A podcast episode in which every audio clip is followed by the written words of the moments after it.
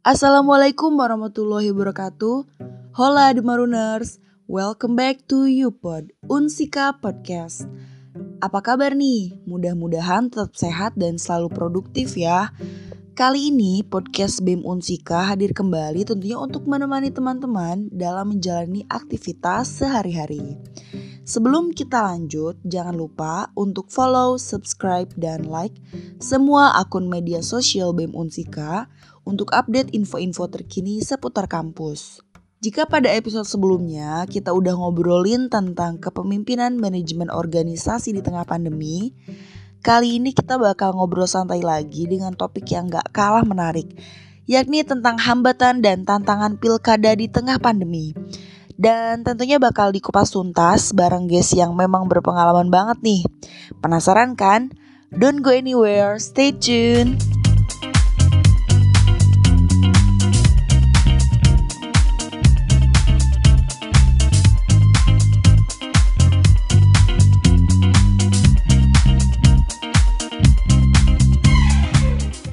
Oke sebelum ngobrol lebih lanjut, mendingan kita kenalan dulu aja kali ya. Nah kenalin nama gue Fadila Roy Ratmono, panggil aja Dila. Di sini gue sebagai host. Gue dari Fakultas Agama Islam, Prodi Pendidikan Agama Islam semester 5 dan gue juga merupakan bagian dari pengurus BEM Unsika bidang Kominfo sebagai sekretaris bidang. Nah dan di sini gue nggak akan sendirian nih, gue akan ditemani dengan co-host gue. Halo, mana nih co-host gue? Oke, halo semuanya. Halo. Ya, izin memperkenalkan diri ya narasumber dan host. Gua Muhammad Raja Bani Mutakin, biasa dipanggil Bani. Gue juga bagian dari pengurus BEM Unsika, kebetulan diamanahkan hari ini di bidang sospol sebagai staf Departemen Kajian Aksi dan Strategis. Gue dari Fakultas Keguruan dan Ilmu Pendidikan, Prodi Pendidikan Bahasa dan Sastra Indonesia dan hari ini bakal membantu Dila untuk menjadi host dan menyampaikan podcast kali ini. Oke, nah uh, sebelum kita ngobrol lebih lanjut lagi, mungkin kita bakal kenalan dulu kali ya sama guest hari ini, seseorang yang sangat luar biasa. Boleh dong, perkenalannya dulu, Kang Iqmal, silakan. Uh, saya Iqmal Maulana, anggota KPU Kabupaten Karawang, Divisi Sosialisasi masyarakat. Saat ini bersama dengan teman-teman dari BEM Musika, kita akan sharing banyak hal berkaitan dengan Pilkada 2020 tanggal 9 Desember besok hari Rabu. Oke, kita lanjut ke pertanyaan pertama nih ya Bang Iqmal. Uh, seperti yang kita tahu, bahwasannya pemilihan kepala daerah atau pilkada merupakan suatu wujud nyata dari demokrasi dan menjadi sarana bagi rakyat uh, dalam menyatakan kedaulatan. Kedaulatan rakyat dapat diwujudkan dalam proses pilkada untuk menentukan siapa yang harus menjalankan pemerintahan di suatu wilayah gitu. Nah, dengan adanya pilkada ini maka telah dilaksanakan kedaulatan rakyat sebagai perwujudan hak asas politik rakyat. Selain itu dengan adanya pilkada maka dapat melaksanakan pergantian pemerintahan secara aman, damai dan tertib. Kemudian untuk menjamin kesinambungan pemerintah uh, dan juga pembangunan daerah. Nah, tetapi pada realitasnya uh, tahun ini kita dihadapi dengan pandemi COVID-19 yang uh, menimpa seluruh umat manusia gitu kan. Nah, uh, bagaimana sih argumentasi dari KPU agar bisa meyakinkan DPR pada saat itu pada uh, rapat kerja bahwa pilkada harus tetap dilanjutkan pun nanti bagaimana caranya KPU bisa meyakinkan berbagai pihak gitu kan khususnya masyarakat bahwa pilkada yang digelar di tengah pandemi ini tetap aman meskipun sampai saat ini kasus COVID-19 belum mengalami penurunan gitu. Silakan Bang Iqmal.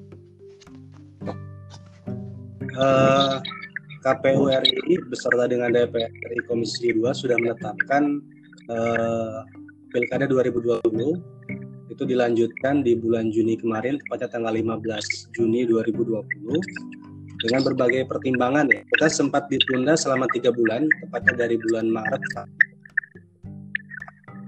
uh, Mei bulan Mei Tiga itu memang masa kritis COVID-19 di awal-awal munculnya di Indonesia. Nah, kemudian di pertengahan Juni, tepatnya 3 Juni, eh, DPR RI beserta KPU RI dan Bawaslu itu memutuskan untuk melanjutkan tahapan pilkada yang sempat tertunda. Ada beberapa alasan kenapa pilkada harus tetap dilanjutkan. Yang pertama, eh,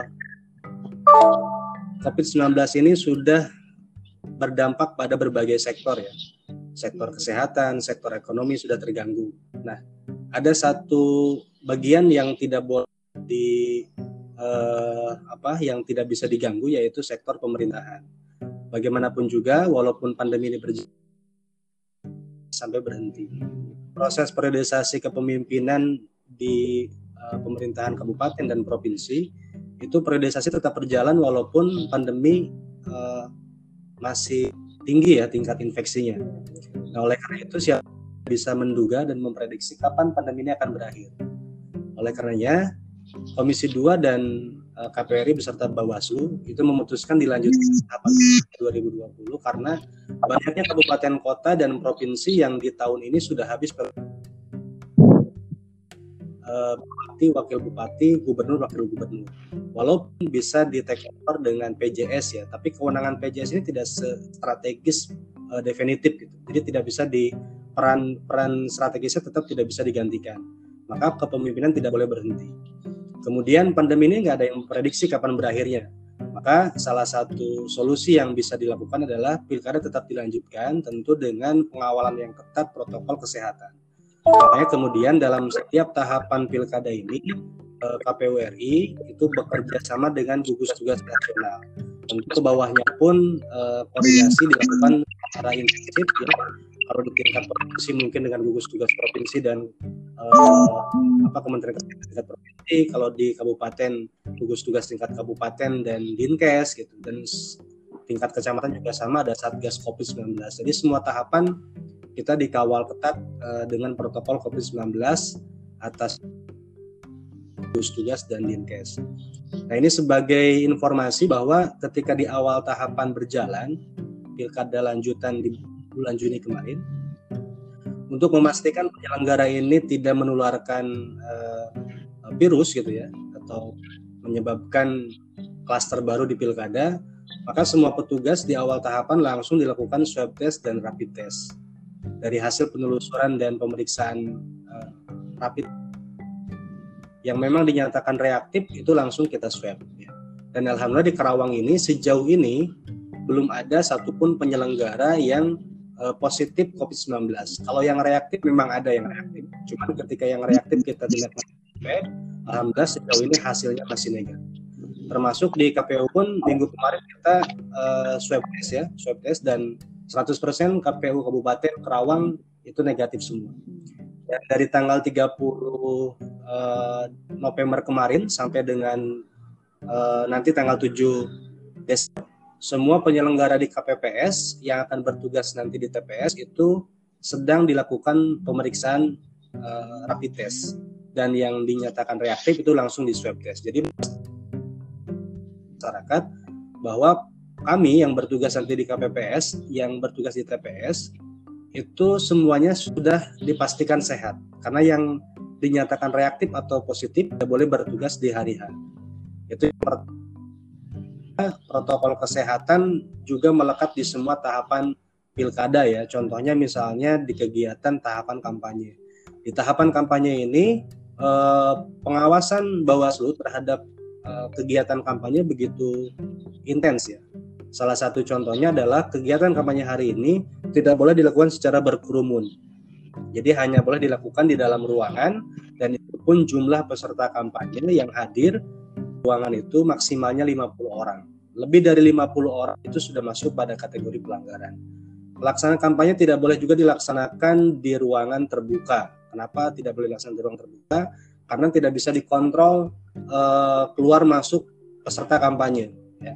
Jadi kalau di dalam ruangan kan yang masuk itu diberikan uh, perlindungan khusus, proteksi awal yang pertama diukur suhunya, kemudian apa namanya diberikan hand sanitizer gitu ya, diwajibkan menggunakan masker dan kalau di dalam bisa diatur jaraknya. Artinya pengukuran jarak menjadi harus dilakukan agar uh, prinsip dalam setiap tahapan kampanye itu bisa dipenuhi dengan sebaik-baiknya. Kemudian selain itu uh, tahapan lain seperti coklit atau pendataan pemilih dari rumah ke rumah dilakukan oleh petugas pemutaran data pemilih itu juga sama digunakan protokol ketat jadi semua PPDP yang dari rumah ke rumah itu harus dipastikan sehat. Mereka baru mulai bertugas. Begitupun eh, apa namanya pada saat verifikasi faktual calon perseorangan yang datang dari rumah oleh PPS itu pun sama semuanya harus menggunakan protokol tugas wajib di rapid test dan yang bertugas itu harus sehat. Semua kegiatan pilkada ini tidak bisa diselenggarakan dengan pengawalan ketat dari gugus tugas dan dinkes ya. Jadi memastikan semua penyelenggara sehat, semua pemilih sehat dan semua peserta pemilihan yang dalam hal ini adalah partai politik dan calon itu juga harus sehat. Itu aja sebagai pengantar ya. Iya. Jadi gini, uh, itu kan soal perihal kesehatannya tadi Bang ya, karena tetap harus dilanjutkan dengan mungkin protokol kesehatan yang cukup ketat juga ya untuk nanti pilkada serentak ini di tanggal 9 kalau nggak salah tuh kalau nggak salah juga sih setelah rapat kerja setelah rapat kerja waktu itu pemerintah langsung mengeluarkan hukum untuk tetap dilanjutkan pilkada serentak di tahun ini kan ya. Karena diperkuat dengan Perpu nomor 2 tahun 2020. Nah, menurut Akang sendiri, ya. bagaimana sih pandangan dari perspektif hukum sendiri dengan dibuatnya Perpu tersebut gitu oleh pemerintah? Ya sebetulnya Perpu itu kan untuk mengubah undang-undang yang sebelumnya sudah tertuang ya. Dasar dari pelaksanaan pilkada ini kan Undang-Undang 10 2016. Tepatnya di situ disebutkan bahwa pelaksanaan kegiatan pilkada 2020 ini dilaksanakan di bulan September. Jadi awalnya kan kita tanggal 23 September berdasarkan pada PKPU nomor 15 tahun 2019. Kemudian ketika eh, bulan Maret kemarin pilkadanya bulan Mei itu terbitlah Perpu nomor 2 tahun 2020 yang kemudian sudah diundang Undang-Undang 6 tahun 2020. Undang-Undang 6 2020 ini itu perubahan dari Undang-Undang 10 2000 yang di dalamnya hanya ada memuat dua hal ya. E, pilkada bisa dilaksanakan di bulan Desember. Nah, tanggal 9 Desember ini ditetapkan lewat PKPU nomor 5 tahun 2020 Kemudian poin yang kedua, bila nanti Desember tingkat infeksinya uh, menguat gitu ya, maka bisa ditindaklanjuti atau direview ulang apakah pilkada tetap dilanjutkan atau tidak. Jadi dua hal itu masih membuat apa masih membuka ruang uh, apakah pilkada tetap dilanjutkan atau tidak. Namun sejauh ini tinggal empat hari pelaksanaan pilkada uh, tidak keputusan dari baik itu presiden ya ataupun dua untuk menunda pilkada. Bahkan eh, Presiden sudah menerbitkan Kepres nomor 20 20 tentang tanggal 9 Desember ini menjadi hari libur nasional. Jadi secara perspektif hukum tidak ada masalah sebetulnya karena Perpu ini pengganti Undang-Undang Nomor 10 Tahun 2016. Karena di Undang-Undang 10 2016 ini kan pelaksananya sudah diatur itu di Desember 2020. Jadi hanya mengatur apa bulannya saja. Di Perpu 2 uh, 2020 itu mengubah dari Desember. Gitu kan. Oke, okay, uh, eh, nah kan seperti yang kita tahu ya, uh, pandemi COVID-19 ini sudah uh, banyak sekali menguras anggaran uh, pemerintah gitu ya. Dengan tetap dilanjutkannya pilkada ini, apakah tidak mengganggu anggaran untuk kesehatan itu sendiri yang harusnya sekarang diprioritaskan begitu mungkin kan? Sejauh ini sih tidak ada ya, tidak ada persoalan anggaran di Kabupaten Karawang saja anggaran kita tidak ada pergeseran kaitan dengan COVID ini. Apa namanya anggaran tetap dengan sama di bulan di apa di akhir 2019 kemarin. Bahkan kita mendapatkan kucuran tambahan baru dari KPU terkait dengan eh, apa namanya penambahan perlengkapan protokol kesehatan seperti masker, baju hazmat, kemudian apa namanya eh, perlengkapan hand sanitizer gitu ya dan sebagainya termasuk pembiayaan untuk pemeriksaan eh, COVID-19 rapid test dan swab test. Jadi secara postur anggaran sih saya tidak paham betul ya bagaimana itu akan berdampak pada apa ekonomi atau stabilitas ekonomi di secara keseluruhan. Cuman sejauh ini seluruh tahapan pilkada ini sudah disepakati oleh semua pihak. Yang pertama DPR RI, KPU, Bawaslu, Kementerian Keuangan, Mendagri, bahwa seluruhnya sudah sepakat bahwa pilkada dilanjutkan walaupun memang betul ada penambahan anggaran. Penambahan anggarannya sifatnya sebetulnya tidak jauh beda dengan dibentuknya gugus tugas itu. Gugus tugas ini kan juga memakan anggaran. Nah, sebetulnya anggaran Pilkada 2020 ini bagian dari postur itu juga. Karena yang ditambahkan eh, ke dalam apa? ke dalam postur anggaran di Pilkada ini hanya postur anggaran untuk perlengkapan COVID-19 yang sebetulnya itu sudah ada di postur anggaran gugus tugas. Ya oke, Bang. Uh, itu untuk yang soal anggarannya. Nah, ini untuk soal skenario sih, Bang. Skenario sendiri untuk Pilkada tahun ini karena kan kita kan mungkin first time ya mengalami atau melakukan pilkada secara serentak di kondisi yang seperti ini gitu dalam kondisi negara sedang dilanda wabah bagaimana skenario dalam menggelar pilkada sih bang di tengah pandemi seperti ini gitu jadi dari awal tahapan sampai dengan akhir itu protokolnya ketat uh, kita pun KPU tidak bisa menggelar kegiatan-kegiatan besar kegiatan apa namanya pertemuan-pertemuan yang sifatnya menghadirkan masa banyak bisa saja kita hanya 30 orang maksimal gitu. Bahkan nanti di TPS itu eh, protokol di TPS itu begitu ketat. Yang pertama, pemilih datang ke TPS ya, itu diatur jam kedatangannya. Yang biasanya dari jam 7 sampai dengan jam 1 itu dibebaskan jam berapapun masuknya. Kalau suara enggak. Jadi diatur uh, sesinya dari sesi 1 jam 7 sampai jam 8. Itu nomor pemilih berapa ya tergantung nanti si pemilih kan dapat undangan atau cek pemberitahuan. Formulir cek pemberitahuan ini ada nomor pemilihnya. Nah, masing-masing nomor pemilih punya jam kedatangan kehadiran di TPS. Jadi diatur tidak menumpuk di TPS. Jadi tidak bisa sekarang datang sembarangan ya di jam berapapun. Sudah diatur waktunya. Kemudian yang kedua, ketika masuk ke area TPS pun mereka sudah disiapkan dengan proteksi awal. Yang pertama diberikan apa namanya eh, wajib cuci tangan, wajib pakai masker, kemudian masuk ke dalam area TPS diukur suhunya maksimal yang boleh masuk ke area TPS ini 37,3 derajat ya. Jadi lebih dari 37,3 derajat e, mereka tidak boleh masuk ke area TPS tapi disiapkan bilik khusus. Bilik khusus ini masih di sekitar TPS cuma di luar area TPS. Nah, bilik khusus ini bagi mereka yang e, pemilih ketika diukur suhunya itu di atas 37,3 derajat. Kemudian e, pemilih pun diberikan sarung tangan plastik sekali pakai ini kenapa diberikan agar tidak ada satupun barang ya di area TPS yang bersentuhan antara satu tangan dengan tangan yang lain.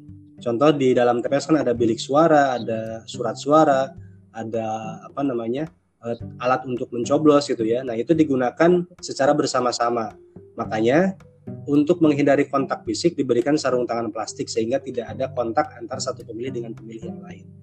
Kemudian yang kedua, yang berikutnya eh, ketika dia sudah menggunakan hak pilihnya di bilik suara, mereka keluar ya, keluar ke area TPS apa di luar TPS. Nah, untuk menandai dia sudah menggunakan hak pilih kan biasanya di tintanya itu dicelup ya. Nah, kalau sekarang nggak dicelup tapi ditetes.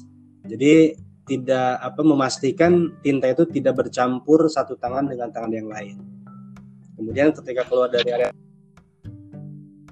tangan wajib cuci tangan dan membuang uh, sarung tangan plastik yang tadi digunakan. Jadi kurang lebih protokolnya begitu sih. Sampai dengan akhir tahapan emang lumayan ribet ya, tapi ya untuk keselamatan bersama. Nah, uh, selanjutnya ketika jika pilkada tetap dilanjutkan, bagaimana dengan legitimasi pasangan yang terpilih nanti gitu, Bang? Kalau persoalan legitimasi ya sebetulnya uh, di pilkada ini berbeda dengan pileg. Pileg kan ada electoral threshold, jadi batas ambang batas minimal dia bisa menjadi anggota DPR RI gitu ya. Nah kalau di pilkada ini itu tidak ada legitimasi secara administrasi, walaupun secara mungkin bisa dijadikan sebagai ukuran kualitatif ya. Tapi secara administratif atau secara normatif tidak ada ketentuan itu. Kalaupun yang hadir di pemilih misalnya dari 1,6 juta pemilih itu hanya ada 600 ribu tetap yang mendapatkan surat terbanyak secara administratif dia bisa menjadi bupati. Jadi tidak ada batas minimal. Walaupun memang secara secara politik ya itu ada value kualitatif yang mungkin agak kurang bagus dalam indeks demokrasi. Tapi ya itu tadi memang ada di tengah pandemi ini baru pertama kali gitu ya. Dan harus digelar gitu kalau tidak digelar misalnya nanti di bulan uh, Desember itu pertengahan Desember masa kerja untuk bupati ini sudah habis gitu. Jadi tidak ada yang menggantikan bupati kalau belum ada bupati. Oleh karenanya perlu dibuat uh, pelaksanaan pilkada ini tetap dilaksanakan tetapi dengan pengawalan yang sangat ketat harus uh, bers, apa, bekerja sama antara semua pihak. Kalau dari institusi penyelenggaraan, dari pemerintah, dari KPU, TNI, Polri itu sudah kita berjalan bersama-sama. Ini tinggal dari pemilihnya nih, iya. tinggal dari pemilih dan peserta pemilih. Pemilih ini harus juga dia proaktif atau memperhatikan betul protokol kesehatannya. Jangan sampai ketika kita demikian rupa, contoh misalnya dengan jam kedatangan diatur, terus apa pengukuran suhu diberikan sarung tangan plastik ini juga jangan sampai ada eh, apa namanya alay lah prosedur begitu jadi memang agak ribet tapi ya untuk keselamatan untuk bersama sosial... ini kan ini pengalaman baru untuk kita ya untuk untuk untuk Karawang khususnya. Iya. Nah berarti untuk sosialisasi ini sendiri uh, agak berbeda ya konsepnya dengan tahun-tahun sebelumnya gitu bang. Tahun sebelumnya gitu bang. Ya, sangat berbeda kalau sekarang karena pembatasan uh, di berbagai aspek ya. Yang pertama pembatasan dari sisi jumlah kehadiran audiens. Kalau dulu bisa datang ke kampus uh, karena sekarang kampusnya libur nggak bisa datang. Saya bisa sosialisasi kita ke sekolah ke school sekarang udah nggak bisa. Kita sosialisasi sekarang dilakukan lebih pada uh, ke pemilih si pemilihnya. Contoh misalnya kalau saya mau sosialisasi ke pemilih pemula itu dilakukan dengan dua cara. Yang pertama mendatangi organisasi, ya, simpul organisasi pemilih pemula, dikumpulkan seluruh pengurus OSIS dan dan perwakilan dari kelas 3. Itu pun jumlahnya nggak banyak, hanya 30 orang. Hmm. Yang kedua, eh, kita bekerja sama uh, eh, PPKN. Jadi di Kabupaten Karawang ini ada MGMP ya, pers, uh, apa perkumpulan guru PPKN di Kabupaten Karawang. Nah, kita bekerja sama dengan guru PPKN karena kenapa guru PPKN? Karena guru PPKN yang bersentuhan langsung dengan pendidikan demokrasi di sekolah. Ya. Kita bekerja sama dengan mereka ya dalam konteks pelaksanaan pendidikan pemilih.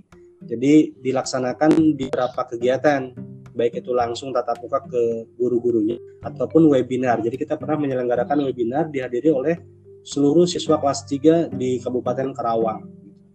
Kemudian eh, selain itu pun sosialisasi yang kita ya itu dengan eh, mengkonversi mengkonversi beberapa kegiatan konvensional menjadi kegiatan yang didigitalisasi gitu kita optimasi dari kanal-kanal sosial media kita di YouTube, di Instagram, di uh, Twitter, di Facebook. Kemudian kita menggelar kegiatan-kegiatan dan seluruh kegiatan kita live streaming kan gitu agar semua masyarakat Karawang bisa melihat juga bagaimana proses kegiatan dilaksanakan. Terus kita mengundang banyak komunitas. Jadi pilkada sekarang paling banyak mengundang komunitas dari mulai komunitas eh, apa namanya pelajar, mahasiswa gitu ya, sampai dengan komunitas seni. Kita hadirkan, kita undang, bahkan komunitas UMKM juga kita pernah hadirkan. Sampai dengan komunitas lembaga bencana alam juga kita hadirkan. Ini kenapa kita lakukan? Karena itu tadi kita sadar betul tidak bisa menyentuh langsung ke pemilih aktif di masyarakat. Karena terbatas jumlahnya. Maka kita perlu organ-organ secara taktis ya yang bisa mendistribusikan informasi ini ke jejaring mereka Contoh misalnya kita mengundang uh, jejaring seniman gitu. Nah harapan kita informasi ini walaupun dihadiri oleh 30 seniman, seluruh seniman yang hadir ini juga bisa mendistribusikan informasi ke teman-teman. Kita hadirkan misalnya organisasi UMKM gitu ya. Kita juga harapannya begitu. Jadi walaupun yang ada 30 orang UMKM minimal mereka bisa mendistribusikan juga informasinya ke semua pengurus-pengurus atau anggota UMKM-nya. Bahkan di beberapa kelompok pemilih ya. Jadi pemilihnya ada kelompoknya, ada beberapa kelompoknya, beberapa basisnya. Ada basis-basis yang memang diberikan informasi pemilihan contohnya seperti basis pemilih uh, disabilitas ya disabilitas yang tunarungu yeah. tes tunadaksa gampang tunadaksa ini kan dia hanya cacat fisik aja informasi tetap bisa sampai kita punya uh, satgas tambahan satgas sosialisasi sebanyak uh, 17 orang nah satgas ini kita bentuk ya untuk uh, membantu KPU dalam mensosialisasikan pilkada ke masing-masing segmen, segmen contoh misalnya untuk komunitas tunarungu mereka bisa mendengar ya dan kita pun tidak bisa berinteraksi langsung dengan mereka. Jadi kita perlu ada medianya gitu. Maka kita hadirkan penerjemah bahasa. Nah, sampaikan ke sosialisasi ke mereka dengan bahasa-bahasa isyarat. Kemudian kita pun menggandeng apa eh, apa namanya admin sosial media di Karawang yang besar. Seperti Karawang Info, Halo Karawang, Info Karawang, kita undang ke KPU. Kita jadikan mereka sebagai mitra strategis kita. Maka semua informasi-informasi pilkada di Karawang itu mereka uh, blasting juga gitu. Jadi di blow up juga di apa di uh, mereka juga. Dan semua komunitas banyak sih sebetulnya kegiatan-kegiatan yang dari dulu nggak ada ya harus kita kreativitas dengan apa dengan berbagai cara di tengah pandemi ini harus lebih kreatif jadi intinya semua media semua komunitas itu kita bekerja samakan ya Bahkan media-media di Karawang ini sudah ada di kita. Kita bikin ruang khusus namanya Ruang Demokrasi. Isinya adalah seluruh wartawan di Kabupaten Karawang. Nah, wartawan inilah yang menjadi mitra blasting kita, mitra eh, pendidikan pemilih kita lewat jejaring media yang mereka punya. Ya, berarti lebih benar-benar ke digitalisasi banget gitu dia, Bang ya. Iya. Udah berbeda dengan tahun-tahun sebelumnya semuanya berbeda semuanya semuanya yang nggak beda itu cara nyoblosnya sama aja nyoblos surat suara gitu jadi nggak dicoret-coret terus emang uh, kemarin sih saya sempat ikut sosialisasi KPU juga ya di rumahnya Bang Oco kalau nggak salah. Nah uh, hmm. iya uh, nah kemarin itu uh, dijelaskan juga ya maksudnya sekarang tuh lebih simpel gitu terkait kertasnya. Mungkin kemarin yang yang yang kita rasain kan uh, kita ngelipat kertasnya aja butuh beberapa ini ya butuh beberapa menit gitu kan ribet sama itu gitu nah sekarang lebih, di, lebih dipelin lagi. Iya gitu bang. Iya. Kalau sekarang ya seperti ukuran A4 lah. Lebih besar dikit ukuran A4 dan gambarnya pun cuma ada tiga kan? Karena kita ada tiga paslon. Jadi dijamin tidak akan menyulitkan pemilih pada saat di bilik suara. Emang beda dengan pileg kemarin. Kalau pileg kan suaranya sudah membesar gitu ya. Ditambah memang jumlah surat suaranya banyak ya, sehingga banyak pemilih yang nggak fokus ke pilihan mereka tapi ke cara melipat cara membuka gitu. Nah, kalau sekarang sih karena satu surat suara kecil juga jadi nggak akan menyulitkan. Iya, akan. Perihal ini sih mungkin Nil untuk kalau dari Bani sih pengen nanya. Jika pilkada tetap digelar di tanggal 9 Desember tahun ini, kira-kira ada nggak sih Kang keuntungan dan kerugiannya gitu. Kalau keuntungan kan tadi dijelaskan, mungkin sempat dijelaskan beberapa poin ya karena EJS tidak terlalu mempunyai legitimasi dan harus memang harus ada kepemimpinan baru yang lain gitu. Ya itu sih mungkin Kang, apa sih keuntungan dan kerugiannya jika pilkada tetap digelar di tanggal 9 Desember ini? Kalau keuntungan sih kita menjadi pelaku sejarah aja. Sejarah dalam pilkada. ya keuntungannya sih sebenarnya nggak nggak terlalu signifikan ya. Bahkan sebetulnya kalau boleh saya curhat sih ini beresiko. Buat dan teman-teman penyelenggara di KPU, Bawaslu, PPK, PPN. Terjun ke medan perang sebetulnya. Jadi pertaruhannya bukan pertaruhan lagi gitu, bukan pertaruhan tenaga lagi, tapi sudah pertaruhan nyawa. Iya, betul. Kita saksikan betul bagaimana pimpinan kita di atas tiga orang sempat positif ya, positif COVID-19. Karena memang tidak bisa dihindari. Sehari-hari saya berinteraksi dengan banyak orang, tidak bisa juga uh, menjaga apa menjaga interaksi pasti ada interaksi yang yang dilakukan setiap kali berhubungan dengan banyak orang gitu. Jadi sebetulnya sih lebih pada tantangan ya, tantangan. Dan ini betul-betul menantang sekali. Itu tadi pertaruhannya bukan hanya waktu dan tenaga, pikiran, tapi lebih pertaruhan kesehatan kita, nyawa kita.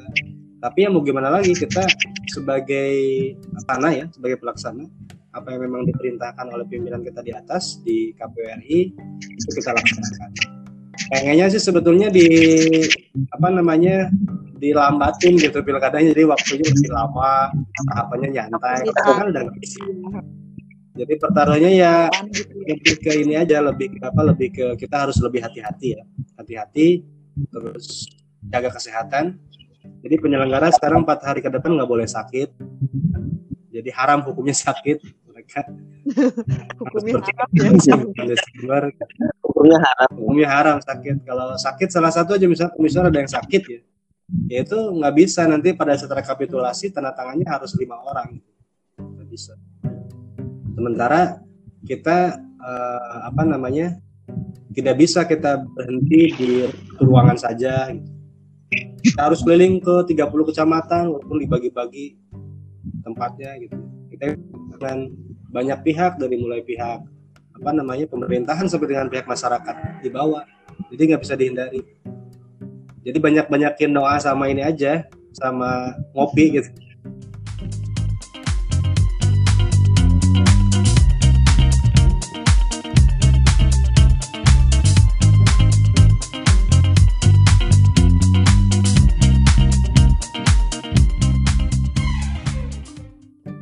closing statement atau ada pesan-pesan yang mau disampaikan untuk uh, teman-teman mahasiswa Untika ini? Silakan Kang. Oke. Jadi untuk semua mahasiswa Untika ya, saya ucapkan terima kasih banyak atas kesempatannya. Walaupun tidak bisa bertatap muka langsung ya, hanya dengan suara ini, yeah. tapi saya mengenali lah satu demi satu suara yang hadir di forum ini. uh, tanggal 9 Desember hari Rabu itu menjadi hari bersejarah untuk kita di Kabupaten Karawang khususnya karena pilkada akan digelar secara dengan protokol kesehatan. Dan sejarah ini tidak akan terulang dalam satu dua lima tahun 10 tahun ke depan karena pandemi kali jadi harapan saya adalah menurut siswa kita kawal bersama pilkada 2020 ini dengan apa namanya dengan porsi kita masing-masing mahasiswa punya ruang kritis yang lebih tajam dan luas dengan uh, kelompok usia lainnya diajak seluruh masyarakat, teman-teman kita, sahabat-sahabat kita untuk datang ke TPS di tanggal 9 Desember 2020 sesuai dengan jadwalnya dari jam 7 pagi sampai dengan jam 1 siang. Gunakan masker, jangan lupa ke TPS, jaga jarak. Yang sakit bisa langsung melapor ke KPPS ya, agar bisa ditindaklanjuti secara apa secara prosedural di situ dan jangan sampai kita golput ya karena satu suara ini sangat menentukan masa depan Karawang Jangan dikira satu suara tidak berdampak pada hasil pemilihan. Kalau satu suara berpikir tidak akan berdampak, bagaimana dengan seribu orang yang berpikir satu suara tidak akan berdampak? Maka ada seribu suara yang tidak ikut dalam pemilihan di pilkada besok. Jadi sekali lagi, ayo kita sama-sama kawal pilkada dan kita berharap bersama mudah-mudahan pilkada 2020 di Karawang ini ya bisa berjalan dengan sukses tanpa ekses. Hasil pemilihannya dapat diterima oleh semua pihak dan setelah pilkada semuanya sehat, selamat, tidak ada COVID-19 kluster pilkada. Itu aja, terima kasih Teh. Iya, eh, nggak eh, kerasa banget ya, udah mau 40 menit nih kita ngobrol. Terima kasih juga buat Kang Iqmal Maulana selaku anggota ya. KPU Kabupaten Karawang, Divisi Sosialisasi dan Partisipasi Masyarakat. Dan terima kasih buat juga host gue yang udah nemenin. Hey, ya siap. Oke, okay, uh, eh, pokoknya sampai ketemu lagi di episode-episode podcast selanjutnya. Jangan lupa untuk selalu follow, subscribe, dan like akun media sosial BEM Unsika yang lainnya. Gue Dila dan co-host gue. Gue Bani. Uh, sampai jumpa di podcast selanjutnya. Wassalamualaikum warahmatullahi wabarakatuh.